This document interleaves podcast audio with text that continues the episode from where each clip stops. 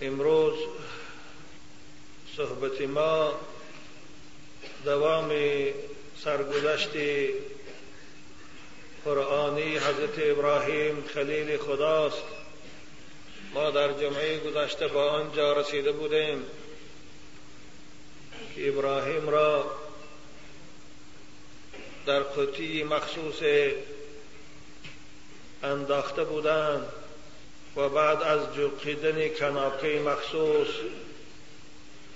این قطی حامل ابراهیم حرکت می‌کرد با تراس مخصوص و بر مرکز آتش نزدیک شد.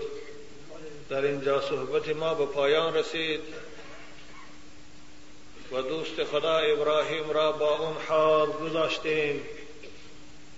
و در بین یک هفته باز سفری گشت و الان می‌بینیم که ابراهیم این بود شکن اول بابای محمد بود شکن ثانی؟ چی؟ حالت دارد. حال او چگونه؟ به پایان می‌رسه الحمد لله رب العالمين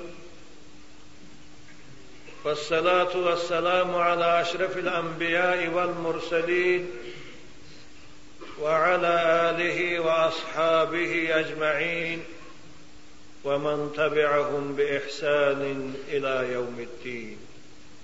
بسم الله الرحمن الرحيم. وقلنا يا نار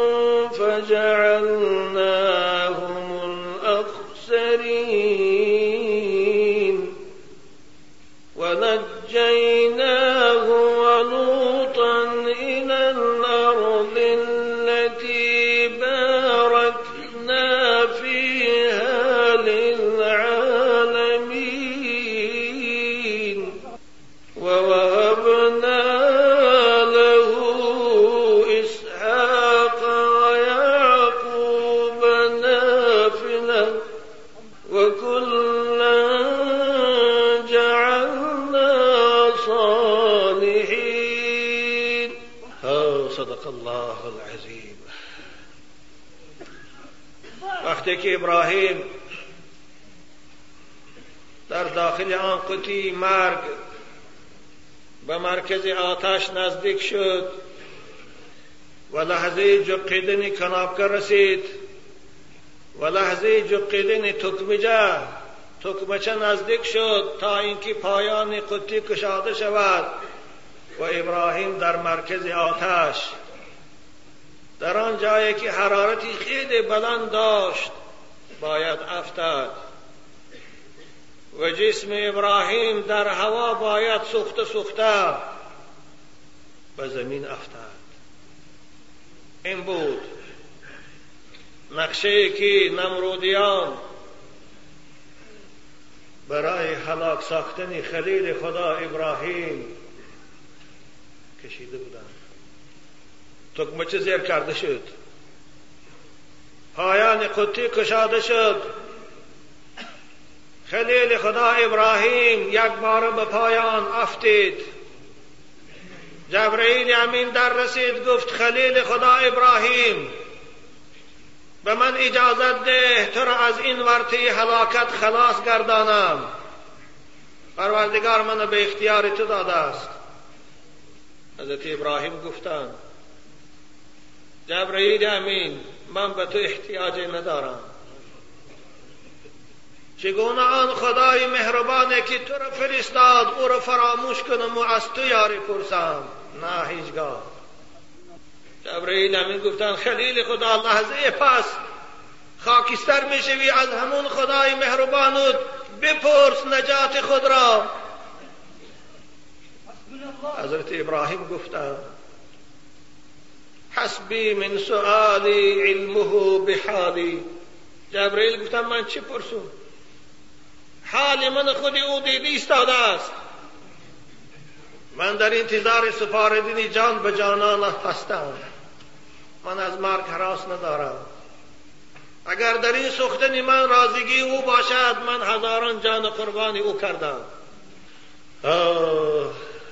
در روایت دیگر حضرت ابراهیم گفتند حسبنا الله و نعم الوکیل. در این وقت بود. پروردگار خطاب و فرمان خود به آتش صادر کرد. و این خطاب الهی و این فرمانی که او عبارت از دو حرف بود حرف کاف و نون به آتش صادر گشت. لحظه خلاصی و لحظه نجات ابراهیم فرا رسید. می‌خوام در اینجا حکایه بیارم. اگرچه شاید از اسرائیلیات است لیکن معرخا در تاریخهای خود داخل کردیم در وقتی که ابراهیم می‌گوید در بالای آتش حرکت می‌کرد با قطی تمام پرنده ها می‌گوید به فریاد آمدند به ناله در آمدند چیررس می‌زدند؟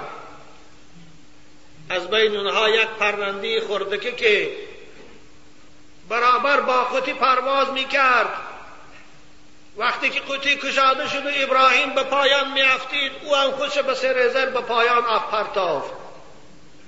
پروردگار مهربان که از شرفه پای مور در زیر سنگ در شب تاریک خبردار است. جبرئیل امین گفت که این مخلوقی که خردکی که من دریاب کن برای چی خودکشی می‌کند؟ جبرئیل امین با یک سرعت او را در کف دست خود داشت. از آتش رهانید گفت ای پرنده خورد برای چی خود حلاق می‌سازی در این آتش؟ گفت ای دوست خدا نمی بینی دشمنان خدا خلیل خدا را حبیب خدا را ابراهیم در آتش سوزانده استادیان آخر از دست من یاردم کردن او نمی آید بنابر خود کمتر از این ندانستم که همراه ابراهیم در آتش سوزانم. الله. این محبت و دوستی این پرنده خردکک به پروردگار خوش آمد. و جبرئیل امین گفت به این مخلوقه که من گو که من هر خواهشی که داشته باشد من خواهش او رو اجرا می‌کنم. از من پرسد بگید این پرنده در کف دست جبرئیل امین وقتی که این بشارت خدا را به او رسانید جبرئیل گفت من از خدای خود هیچ آرزوی ندارم. جز این که می‌خواهم پروردگار نامهای خدا به زبان من تعلیق کند و تعلیم دهد.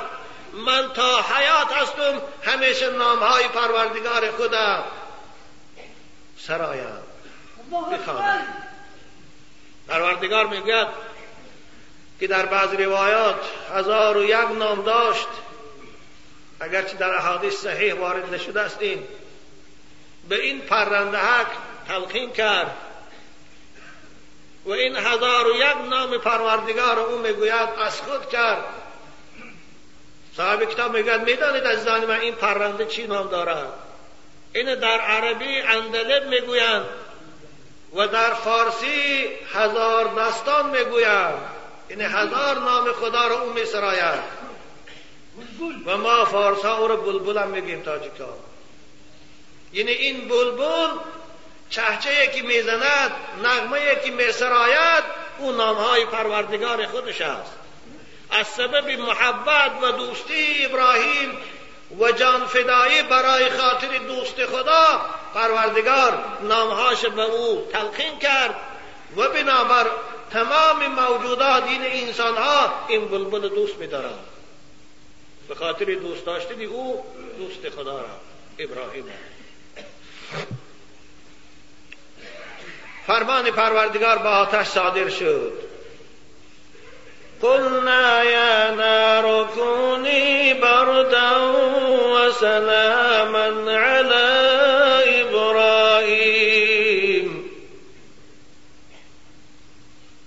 گفت که ای آتش ای آتش برای ابراهیم مکانی سرد و سلقین شو و برای ابراهیم جای امن و جای سلامت باش. برای ابراهیم جای شوکی نه سرما خورد نه حرارت اطراف به او در سلامتی زیان رساند. وقتی که این فرمان خدا که عبارت از دو حرف است کن کونی. پروردگار برای نجات ابراهیم اسلحه های زمان بیره گروه مسلحی کمانداسا یا سمالیت های بمب اندازه روان نکرد. بلکه با دو حرف. حرف کن در اینجا مؤنث است بنابر کونی آمده است. با دو حرف یکی کاف و نون. خلیل خدا از آتش از سوختن آتش از حرارت آتش از سوزانیدن آتش نجات داد. وقتی که فرمان پروردگار برای آتش صادر شد مفسرین کرام میگن وقتی که یا نارو کلمه از کارخانه پروردگار اشته به گنرلی او صادر شد تمام آتش های عالم همان لحظه میگن خاموش شدند از دهشتی هم که این فرمان خدا به ما متوجه نباشد. بنابر پیش که جبرئیل خلیل خدا را در بین آتش شیناند. اننگی آتش که در هوا حرارتش بلند بود باز خطاب دیگر شد که یا نار خذی من ابراهیم نصیب اعدائه ولا تتعرضوا له ای آتش همان چیزی که دشمنان خدا در تن ابراهیم بستند فقط همان بسوزان. و در جسم مبارک ابراهیم مبادا زیان تو یا حرارت سوزان تو رسد.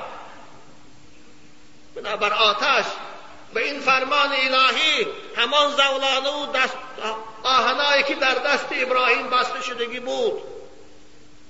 با یک ملایمی او رو سوزانید جدا شد. زولانه از گردن ابراهیم افتید و زنجیرهای آتشین زنجیرهایی که روشنی بگن امروز. از دستای ابراهیم.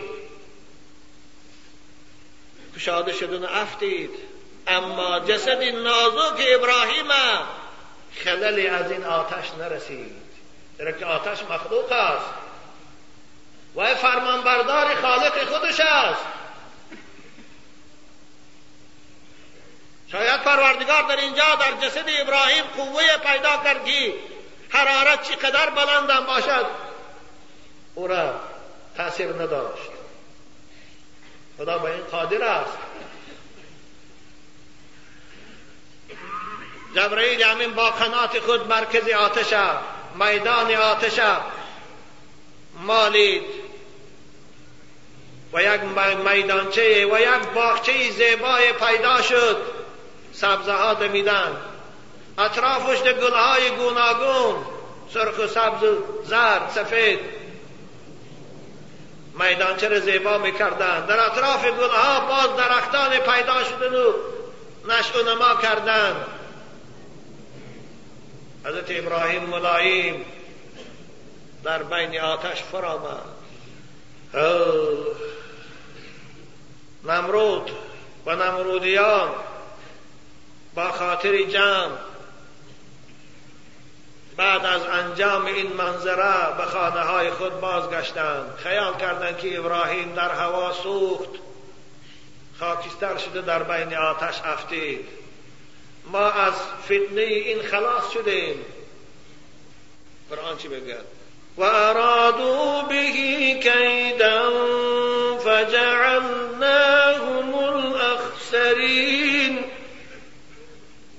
نمرودیان خواستند که ابراهیم نابود کنند.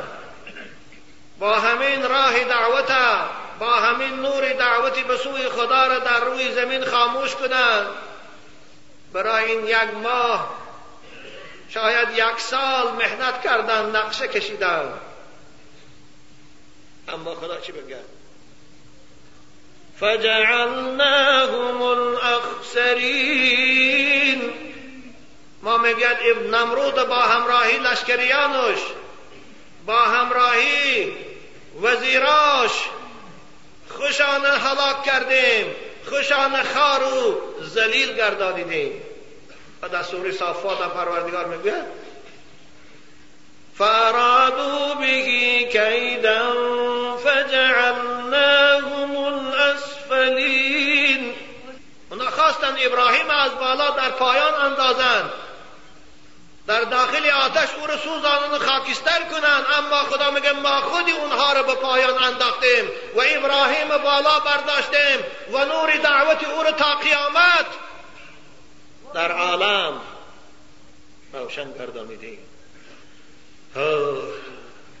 بعد از گذشتنی چند روز نمرود خوابی دهشتناکی دید. خواب دید که ابراهیم از بین آتش سلامت برآمده رفته ایستاده است. سر استامه از خواب بیدار شد.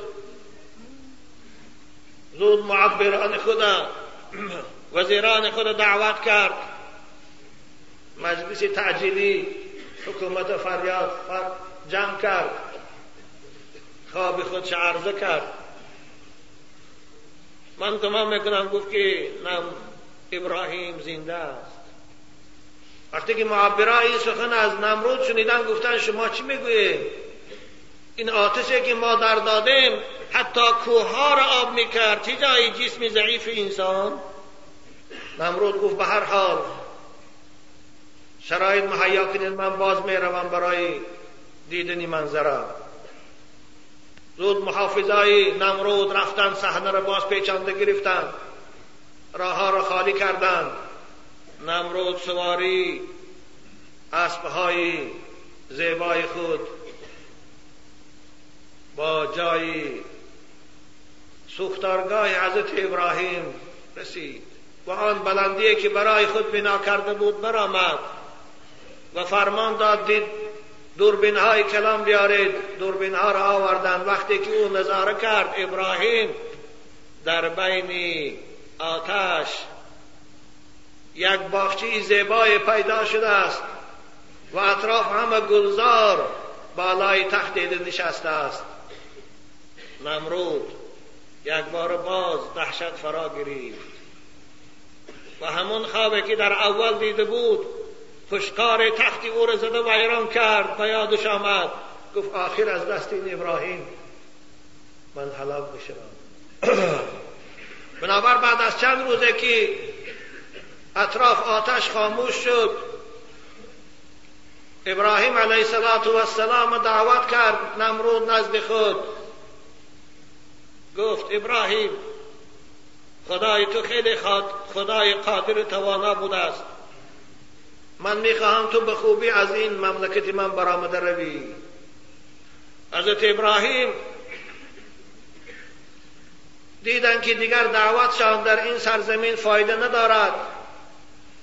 و با وحی الهی معلوم شد که از این قوم نمرود و نمرودیان کسی ایمان نمی بیارد. حضرت ابراهیم برای برآمده رفتن از این شهر عراق راضی شد. البته این فرمان خدا بود. وقتی که ابراهیم از شهر عراق برآمده می‌رفت فقط سه نفر به او یک جایی شدند. سه نفر این دو نفر حضرت ابراهیم خود سه رفیق شدن. یکی لوط بود دادرزادش پسر عکاش. یکی سارا بود دختر عبکیش هر دو اینها به حضرت ابراهیم که ایمان آورده بودند بنابر از قوم خود نفرت کردند از خیش و تبار خود بریدن و همراه ابراهیم زیبا از شهر عراق برآمدند هجرت کردند. بنابر اول کسی که برای خدا هجرت کرد به خاطر دین به خاطر تبلیغ این خلیل خدا ابراهیم بود. حال خود نمرود چی شد؟ خوب حضرت ابراهیم حالا می‌گذاریم در بیابان. همراه سارا و همراه لوط رفته ایستاده است. حال نمرود در آخر چی شد؟ بعد از گذشت چندین سال عزیزان من. وأرادوا به كيدا فجعلناهم الأخسرين Hz. Abdullah İbni Abbas meguyan Sallatallahu الله عليهم أي على نمرود وقومه أزعف خلقه Parvardigar برای هلاک ساختن نمرود و لشکریان أو از همه ضعیفترین از همه بقدرترین مخلوق خود فرمان داد حتی نمرود تقیانش بعد از رفتن ابراهیم به آن حد بلند شد که روز می‌گوید با لشکریان خود اهالی شهر خود جمع کرد و به آسمان تیر پران به مردمان خود نشان داد که من خدای ابراهیم کشتم. دیگر شما غیر از من کسی را برای خود خدا ندانید. سوی او خسمه که تیر انداختی پشه کارش کفایت ساختی. لشکری صد هزار نفرش نمرود در میدان مسلح بود. خود با لباس شاهانه در این وقت پروردگار فرمان داد پشه ها را که ای مخلوق کای ضعیف من این بنده متکبری سرکش اختیارش به دست شماست اونها را حلاک کنید. فرمان پروردگار به پشه به گروهی زود عمل. به اصطلاح امروز بگویم مسلح های پروردگار. که نه افتمت داشتن و نه. رکیت نه میاد با یک خرطومکی که ضعیف با دو پاچه های لاغر خود یک بار به هجوم گذاشتند. حضرت عبدالله ابن عباس می‌گوید سلط الله علیهم اضعف خلقه البعوض فما ربح نمرود حتى رأى عظام أصحابه وخيله تلوح. أكلت لحومهم وشربت دماءهم. در همون میدان بودن یک بار گروهی پشه ها زیر کرد. اندک زمان نگذشته بود نمرود دید که تمام لشکریانش در زمین خواب است. حتی اسباشان به زمین خواب است. لحظه پس دید استخاناشو مونده خلاص. نه گوشت است و نه خون. همشه خوردیان نکیدیان نمرود خواست که گریزد اما کجا می گریزد صدام از دستی امریکایی ها گرفته نتانیست که یک مخلوق ضعیف از امریکا. ها مگر نمرود میتانیست از دستی خالق امریکایی ها گریزد از چی گفتم با ووقعت بعوضة منها في منخره. لم تزل تأكله حتى وصلت إلى دماغه. در همه حالت گریز بود که یک پشه خورده که از سوراخی بینیش در آمد. نمرودن. هرچند بینی افشان أو نمیبرد أو عذاب بود. أو تیر قضای پروردگار بود برای هلاکی نمرود برای عذاب نمرود. بنابر او نمیافتی او بالا رفتن گرفت به مغزی سری نمرود رسید. بعضی مفسران میگن نمرود در تفسیر قرطبی هم هست. وقتی که او پشه در جنبش میدرآمد چنان به طاقت می‌شد که سری خود در دیوار می‌زد. از از عذاب و سختیش از درد او را جان حتی اینکه محبوب ترین کس برای او همون آدمی بود که با مشتش در سر او می‌زد. یعنی پشه آرام گیرد یعنی با این عذاب پروردگار او را حلاک کرد. سوی او خسمه که تیر انداختی پشه کارش کفایت ساختی. حضرت مولوی هم می‌گوید ز گمراهی به هر بش رفت نمرود. ز گمراهی به هر بش رفت و نمرود. بخورد مغزی سرش را پشه زود. حضرت ابراهیم خلیل الله به خاطر چی؟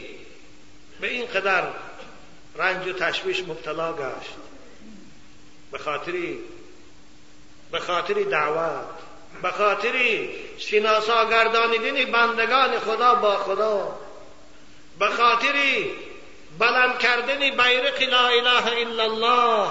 به خاطر این به این عذاب ها مبتلا گشت. بنا رسول اکرم صلی الله علیه و سلم فرمودند که یبتل الرجل علی قدر دینه. پروردگار هر یک بندش به مقداری دینداریش به قدر اعتقادش امتحان می‌کند. هر یکی از بندگان خدا در اعتقاد خود محکم باشد در دین خود استوار باشد و این امتحان بالاش زاید میبیاد. و یه شکنجه و تشویش از جانب دشمنا بالاش زاید شدن می‌گیرد سخت شدن می‌گیرد. بنابر عزیزان ما وقتی که شما می‌بینی یگان دوست خدا را آزار شکنجه و فشار, فشار از یگان طرف شود شما خیال نکنید که عیب اوست. این سنت خداوندی است. این نشانی آن است که او دوست خداست. بنابر حضرت مولوی می‌گوید جهان جایی گداز دوستان است. جهان جایی گداز دوستان است.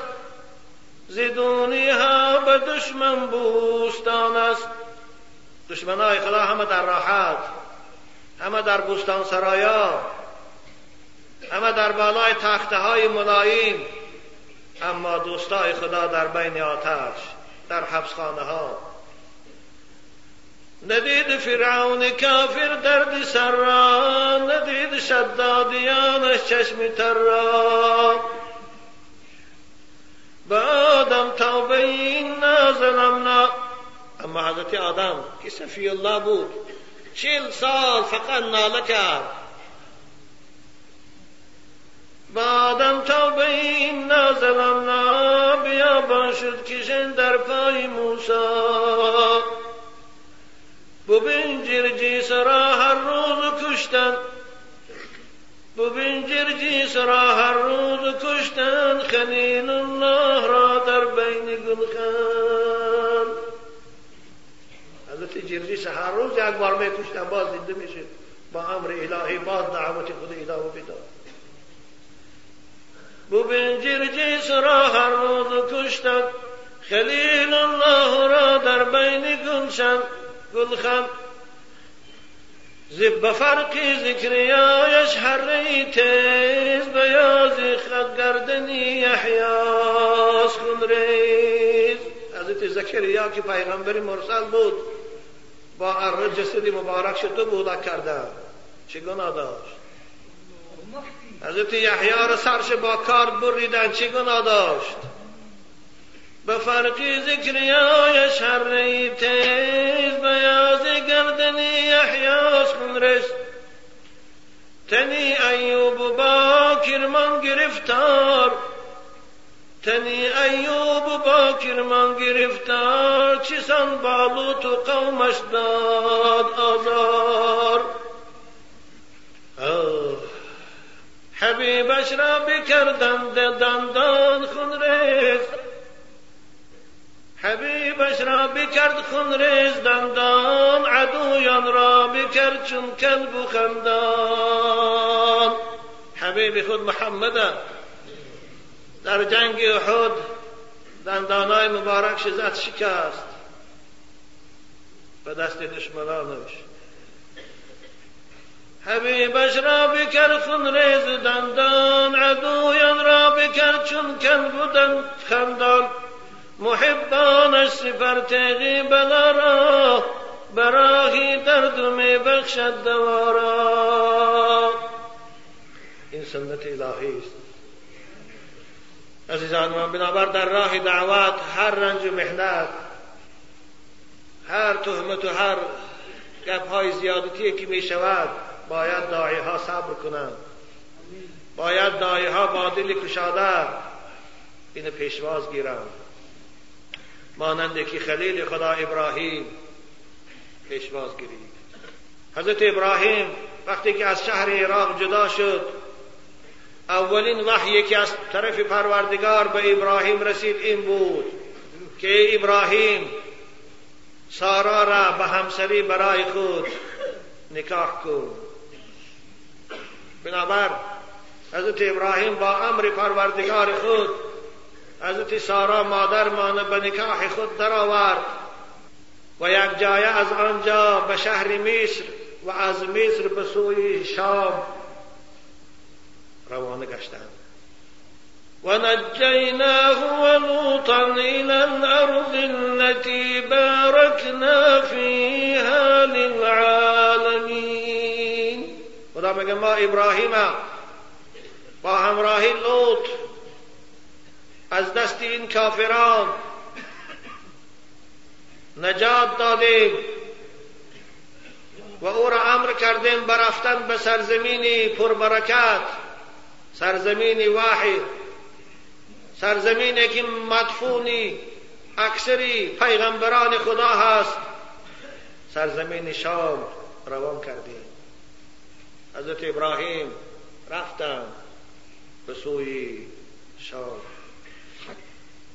ووهبنا له إسحاق ويعقوب نافلة وكلا جعلنا صالحين ابراهیم وقتی که از خیش تبار خود به خاطر خدا به خاطر دعوت برید از بحر برادر و پدر و از همه خیش و تبار که گذشت خدا میگه ما در عوض این خیش و تبارهای کافر بیدین به ابراهیم وارثان دیگر فرزندان دیگر که چشم ابراهیم به اونها روشن شد عطا کردیم. یکی اسحاق و بعد از اسحاق نبری او یعقوب دادیم که هر کدام او پیغمبر بود و هر کدام او از جمله بندگان نیک خدا بود.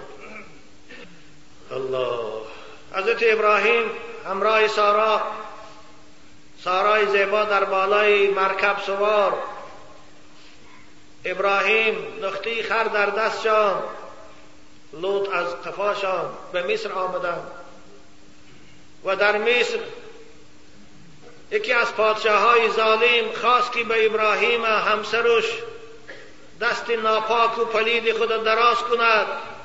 اما پروردگار حریم خلیل خودش از این پلید از این ناپاک نگاه داشت.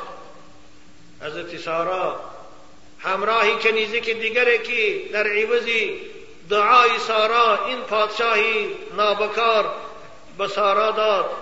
یک جایه چهار نفر شدن و به سوی شام روانه گشتند.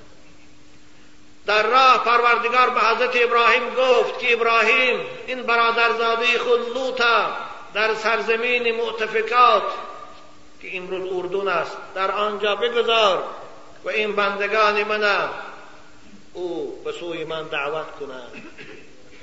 زیرا که قومی اردون اون زمان شاید نامش در قرآن متفکات آمدگی است. خیلی در فحشا غوطیده بودند. او بدبختا به این حد افلاس شده بودند که دیگر با زنهای خود همخوابگی نمی کردند اونها همخوابگیشان مرد با مرد بود. اونانی که امروز این بیماری دنیای غرب فرا گرفته است. پروردگار حضرت لوتا برای دعوت اونها فرستاد. که کدام وقت ما تاریخ حضرت لوتا با تفصیل بیان کرده بودیم و عذابی که بالای قومش آمد خوب حضرت ابراهیم در سرزمین فلسطین رفت قرار گرفت. چندین سال زندگانی کردند از سارای زیبا فرزند نشد. سارا گفت ابراهیم خلیل خدا پروردگار برای من نصیب نکرد که از تو فرزندار شوم اکنون همین حاجر که کنیزی من است خدمتگاری من است. همین به نکاح درار شاید که از این برای شما فرزند شود. بعد از آن که حضرت ابراهیم حاجر به نکاح خود درآورد با قضای الهی حاجر از ابراهیم حامل دار شد. بعد از گذشتن چند وقت فرزند زیبای از حاجر به دنیا آمد. کے نام أو اسماعیل بود. که پروردگار در سوره صافات این منظره را برای ما بیان میکند. و ارادوا به کیدا فجعلناهم الاسفلین. وقال إني ذاهب إلى ربي سيهدين رب هب من الصالحين فبشرناه بغلام حليم. صدق الله العظيم. اسماعیل دسرویک با گذشت روزها و ماهها و سالها کلان شدن گرفت. حضرت ابراهیم که در سن هشتاد و شش سالگی که بعض مفسران می‌گویند صاحب فرزند شدن در ایام پیری نسبت به این پسرچی خود بسیار محبت کردند. بین حضرت سارا مادر ماند و حضرت هاجر مادر عزیز ماند از سبب که هر دو خانم بودن بعض اختلافات پیدا شد. شاید حضرت هاجر به خاطر آنکه از ابراهیم فرزنددار شد دیگر حضرت سارا مادر مانه اطاعت نمیکردگی شد. گپ حضرت سارا رو نمیگرفتگی شد. بنابر بین هر دو جنجال خست چگونه که حال اکثر باخچانهای امروز است. حضرت ابراهیم حیران شدند که چی کار کنند. جنجال اینها هیچ خاموش نمی‌شد. پروردگار به حضرت ابراهیم وحی فرستاد که ابراهیم هیچگاه سارا را به خاطر حاجر خفه نکن. و سفارش من به تو این است که حاجر را همراه اسماعیل بگیر و به سرزمین حرم ببر و در آنجا با امر من همراه این پسر خود اسماعیل خانی کعبه را خانی من روز شما بنا می‌کنید وقتی این فرمان پروردگار به حضرت ابراهیم رسید. حضرت ابراهیم در یک خلطه تلخانی خرما گرفت در دیگه یک مشک آب گرفت و بالای مرکب سوار. حضرت حاجر سوار کرد در قفای خود. اسماعیلی خورده کرد در آغوش. به سوی سرزمینی مکی مکرمه آمدند عزیزان من خیلی مختصر کردم اینجا حکایه را. به خاطر که موسم حج نزدیک شد ایستاده است خواهم در جمعه آینده احکام حج بیان کنم حضرت ابراهیم به سرزمین مکه آمد. مکی مکرمه مکی مشرفه مکه که امروز از تمام گوشه و کنار عالم عاشقان خانه خدا برای زیارت او برای سفر کردن به سوی او آمادگی دیدی استادیان. یک درخت بود. درخت خاری مغیلان بود. چی بود؟ حضرت ابراهیم از براخ خود فرا وردن خواباندن. حاجر از او فرا وردن یک خیمچه از خارهای آنجا ساختند و همان شراب و این نوشابه که همراهشان بود همراه خلطی تلخان. در اونجا گذاشتند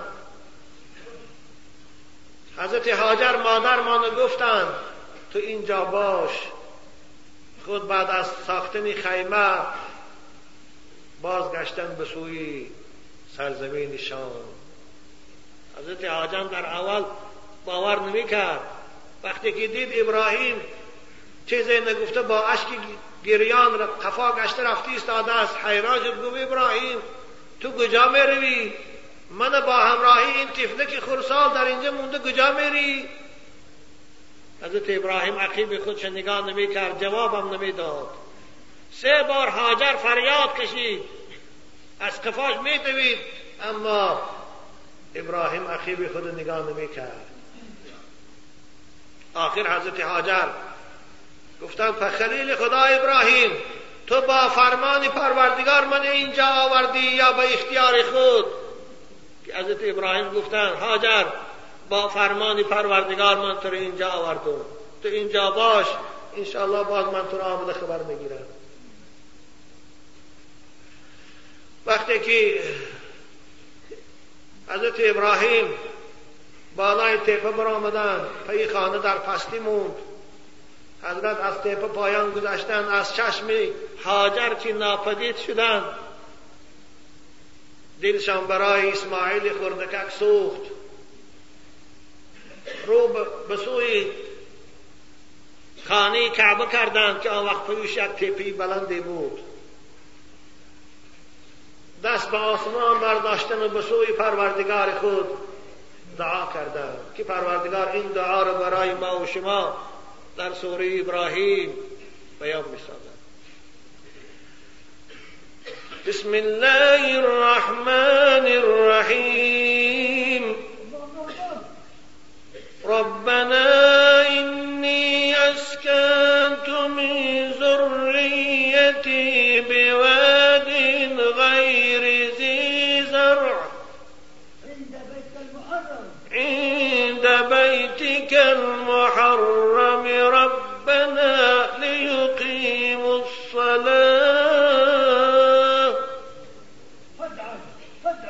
فاجعل أفئدة من الناس تهوي إليهم وارزقهم من الثمرات.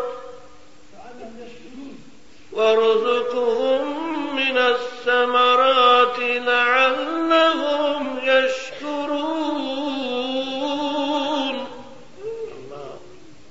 حضرت ابراهیم گفتم پروردگارا من این همسر خودم همراه این تفلکی خرسال همراه این تفلکی شیرخاره در این سرزمین گذاشتم که نه علف دارد نه درخت میوهدار دارد نه کسی همسایو مونیس دارم.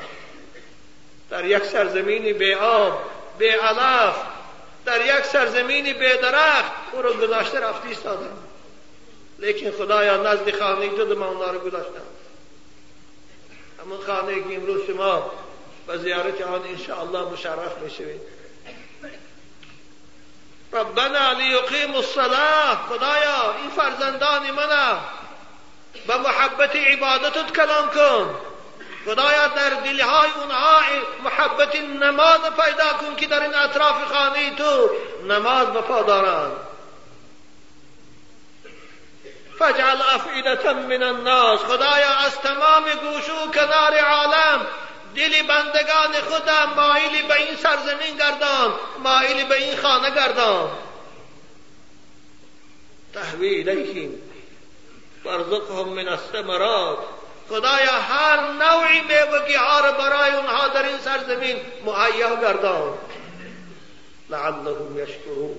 شاید که این بندگان من شاید که این به فرزندان من و این بندگان تو سپاسگزاری از نعمتهای تو کنند. بنابراین دعای خلیل خدا ابراهیم به هدف اجابت رسید. پروردگار بعد از گذشتنی چند سرزمین مکه را یک شهر قرار داد که امروز ما می‌بینیم از تمام گوشه و کنار عالم زائران خانه خدا به آنجا سفر می‌کنند. و شماری زیاد این زائران خدا که قریب به دو میلیون می‌رسد در آن سرزمین خوردکه که مکی مکرمه هم با غذا هم با میوه هم با نوشابه تأمینند هم با جای خواب تأمینند. این دعای ابراهیم بود. عزیزان من شما اگر امروز ها در تلویزیون ها نگاه کنید یا از در واسطه های اخبار عموم اگر یگان دولتی قدرت اسپارتکیاد یا المپیاد در آنجا برپا شود سه سال تردد ببینند سه سال برای پیشوازگیری آماده می‌شوند. باز همه راه ها را بسته می‌کنند. به خاطر چیل پنجاه هزار آدم. اما در این سرزمین مکه دو میلیون حاجی با جای خواب تأمین می شود با خوراک و با غذا و با میوه تأمین می شود کسانی که رفتیان با وجود این قدر آدم بسیار شما دوکانهای خوراکواری شهر مکه را بینید خیال نکنه که جای خالی ندارد. زیرا که دعای ابراهیم بود ورزقهم من الثمرات. خدایا این بندگان خدا از هر نوعی میوگی ها نصیب گردان. حضرت حاجر یک هفته ایستادند. البته او وقتی که دانست که پروردگار سفارشش است. برای در اینجا بودن او او دلش پر بود. تاکه به همون خالق داشت. از چیز نمی ترسید و از چیز حراس هم نداشت. هفته گذشت و خوراکی هاجرم تمام شد. مشکی که آب داشت او هم تمام شد. هاجر حیران شد. که کجا رود از کی یاری پرسد؟ حرارت مکه چگونه که شما می‌دانید خیلی بلند است. وقتی که آب تمام شد پستان حضرت هاجر مادر مانم شیرش قاق شد. اسماعیل شیرخاره از به آبی چی راست می‌زد؟ فریاد می‌کشید. حضرت هاجر طاقتی دیدن این منظره نکرد. دوان دوان بالای تپه صفا رفت. به امید که از بلندی نگاه کنم شاید یگان آبادی هست شاید یگان فریادرسی پیدا بشده باشد. اما دید نگاه کرد هیچ کسی نیست. از آنجا فر آمد و باز به سوی تپه مروه دوید. در بین پستی بود چقری بود که در آنجا اگر حرکت می‌کرد اسماعیل. در از چشمش پنهان بشود به خاطر آن میدوید. زودتر به جای نمایانگه بروم. اسماعیل خورده که بینم که باز کدام مخلوق او را زیان نرساند. بنابر بین میلین اخزرین این همون جایی است که حضرت حاجر مادر مان دهشت زده میدوید به خاطر آنکه شاید یگان یاردمچی پیدا کند. شاید یگان فریادرس پیدا کند. بنابر حاجی های عزیز وقتی که شما از صفا به سوی مروه حرکت می‌کنید و در بین مقدار معین هست چقان چقان میدوید در وقتی دویدن پیش چشم شما منظری. حضرت حاجر مادرمان بیاد بیاد که چگونه او زنی ناتوان دهشت زده در جای تنها به خاطر فریاد از این طرف به آن طرف میدوید هفت بار رفت آمد. این الصفا والمروه من شعائر الله. در پیش دور هفتم بود. حضرت حاجر بالای تپه حیران. دهشت زده ایستاده بودند. ناگاه صدای شنید. صدای بلند شد. حضرت حاجر ایستادم گوش کردم. گفتن کی هستی ای بنده خدا؟ اگر فریاد رس باشی بیا که دیگر طاقتم تاق شد. حضرت نگاه کردن دیدن در نزدی حضرت اسماعیل یک شخص یک صورت پیداست. دوان دوان رفتن. دیدن که ملائکه؟ با قنات خود پیش پای ابراهیم کافتی استاده است. آب فواره زده برآمده استاده است. از رست استامه شدن حوزه کردن گرد آب زمزم یا مبارک گفتن جمع شو جمع شو ای آب مبارک گفتن بعد از آن پرسید آن شخص پرسید که تو کی هستی؟ گفت که من خانمی خلیل خدا ابراهیم هستم. و در این سرزمین این تنها چیکار می‌کنی؟ گفت من امر پروردگار که به اینجا آورده است. پاسبان من خدا هست. حضرت جبرئیل بود میگد اون ملائکه گفتم وقتی که تو رو پاسبانت خدا باشد تو هرگیز خوف نکن تو ضایع نمیشی. با همین چشمه آب مبارک آب زمزم آب تبرک که رسول اکرم خیر و ما این علا وجه الارض ما او زمزم گفتند بهترین آب در روی زمین آب زمزم است. آنجا از نزد قدم حضرت ابراهیم که اون معجزه حضرت جبرئیل بود برآمد فواره زدن گرید او با امر پروردگار خود با قضای او بعد چند سال گذشت. ابراهیم همیشه یک ماده یک بار می آمد خبر می گرفت. حضرت حاجر همراهی فرزند نور چشمش باز گشته میرا. وقتی که اسماعیل میگه پنج ساله شد شش ساله شد. حالا اسحاق تولد نشده بود. حضرت اسحاق سینزده سال از حضرت ابراهیم خوردن. در سینزده سالگی حضرت ابراهیم به اسحاق تولد شدند حضرت ابراهیم علیه السلام برای زیارت فرزندش آمد موسم حج بود. حضرت ابراهیم در آغوش اسماعیل گرفته خواب کرد. مفسرا می‌گویند معرخا ناگاه نصف شب در خوابش شخص پیدا شد گفت ابراهیم اوفی بنظرک و قم وانحر ولدک. ابراهیم آیا نظر کردگی خود فراموش کردی؟ خیز از خواب و این فرزند خدا برای خدا شده قربانی تو.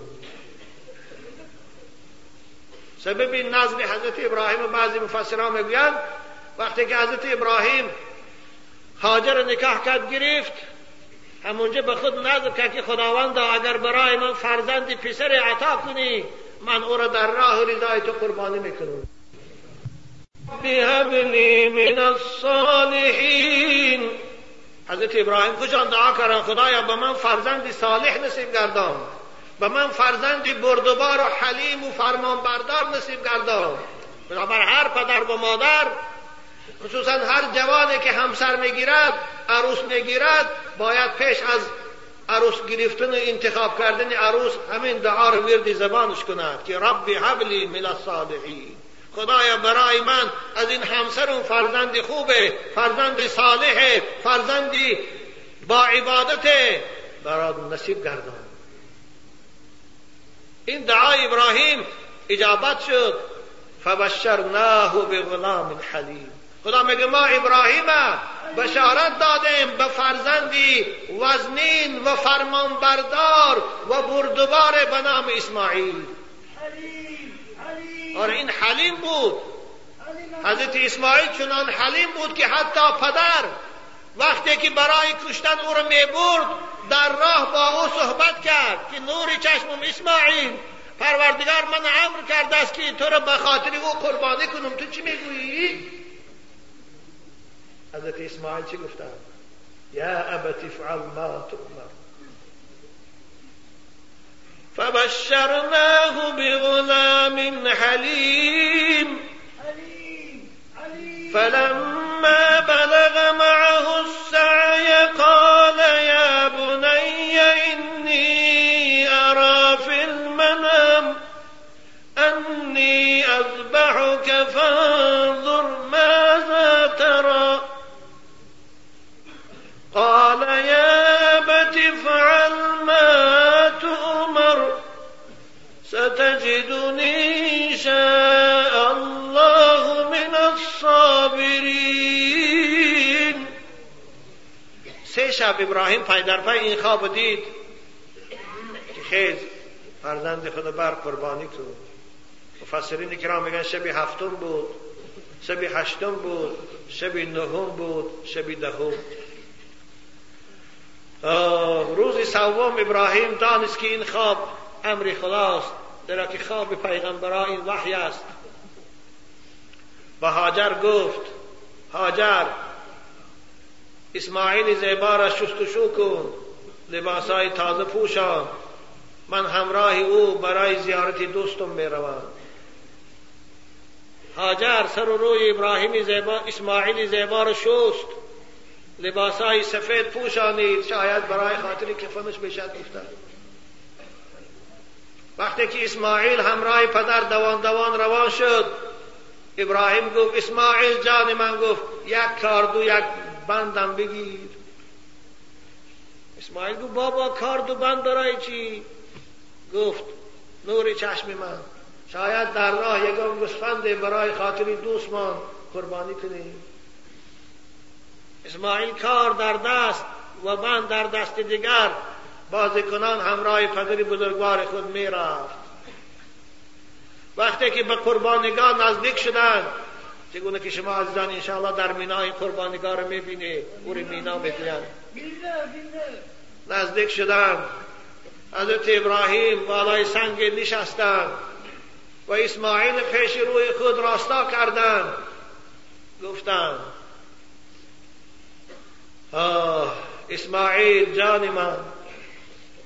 من در خواب دیدم که باید تو را برای خاطر خوشنودی خدای خود آفریدگار این عالم هستی قربان کنم. در وقتی که ابراهیم یگانه فرزندش بود اسماعیل. اکنون خدمتگار شده بود. اکنون هیزم می آور برای مادرش. اکنون آب می آور برای مادرش این خدمت می‌کرد.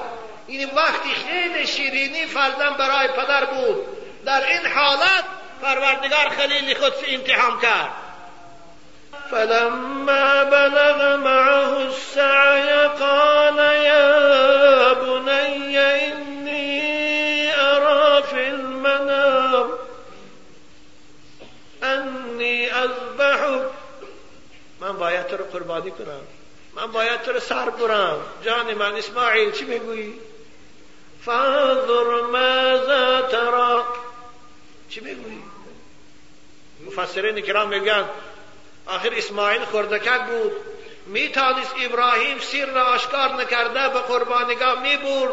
او را بازور میالتان خوابش می‌کرد سرش از تن جدا می‌کرد. از دست او تفلک چی میآمد؟ چو ابراهیم او را پرسید. به خاطر آن کی؟ ببیند که آیا فرزند او نور چشم او در این قضای الهی صبر می‌کند یا نه؟ ببیند که این فرزنده که وی از خدا طلب کرده بود آیا فرمانبردار پدر هست یا نه؟ به خاطر این وقتی که از زبان اسماعیل خورتکک شدید چی شدید قال یا ابت افعل ما تؤمر. بابا بابا بکن. وقتی که پروردگار من برای قربانیش سفارش داده باشد من که یک جان هزار جان من فدای امر پروردگارم کردم. بکن جان من صدقه او. ستجدني شاء